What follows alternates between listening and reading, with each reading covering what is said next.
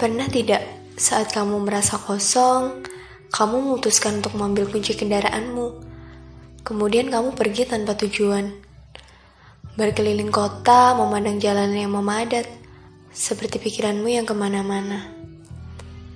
Kamu tak tahu mau ke mana, hanya berkendara dengan harapan bisa melepaskan segala beban di hatimu. Rasa kosong itu menyelinap ke seluruh tubuhmu seolah-olah membuatmu menjadi mati rasa. Tak bisa merasakan apa pun di sekitarmu. Bahkan kamu tak bisa mengenali bentuk emosimu sendiri. Tak tahu sedang bahagia atau sedang bersedih. Kamu merasa ada hal yang hilang dari dalam dirimu. Tapi masalahnya, kamu tak tahu apa yang hilang. Kamu merasa kosong tapi kamu juga tak tahu apa yang bisa mengisinya.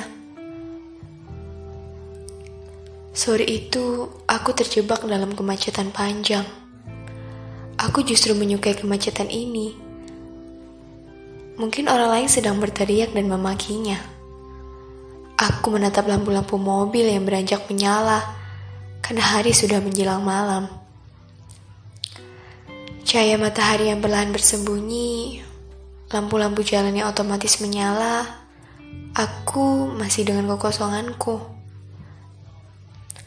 Aku keluar selepas asar tadi. Sekitar pukul setengah empat. Sudah dua jam aku di jalan tanpa tujuan. Sambil beberapa kali melihat layar ponsel, aku berharap ada yang menghubungiku. Barangkali mau mengajakku menghabiskan hari ini dengan nongkrong atau apa pun itu. Lalu aku teringat bahwa temanku bisa dihitung jari. Semuanya jauh dalam jarak.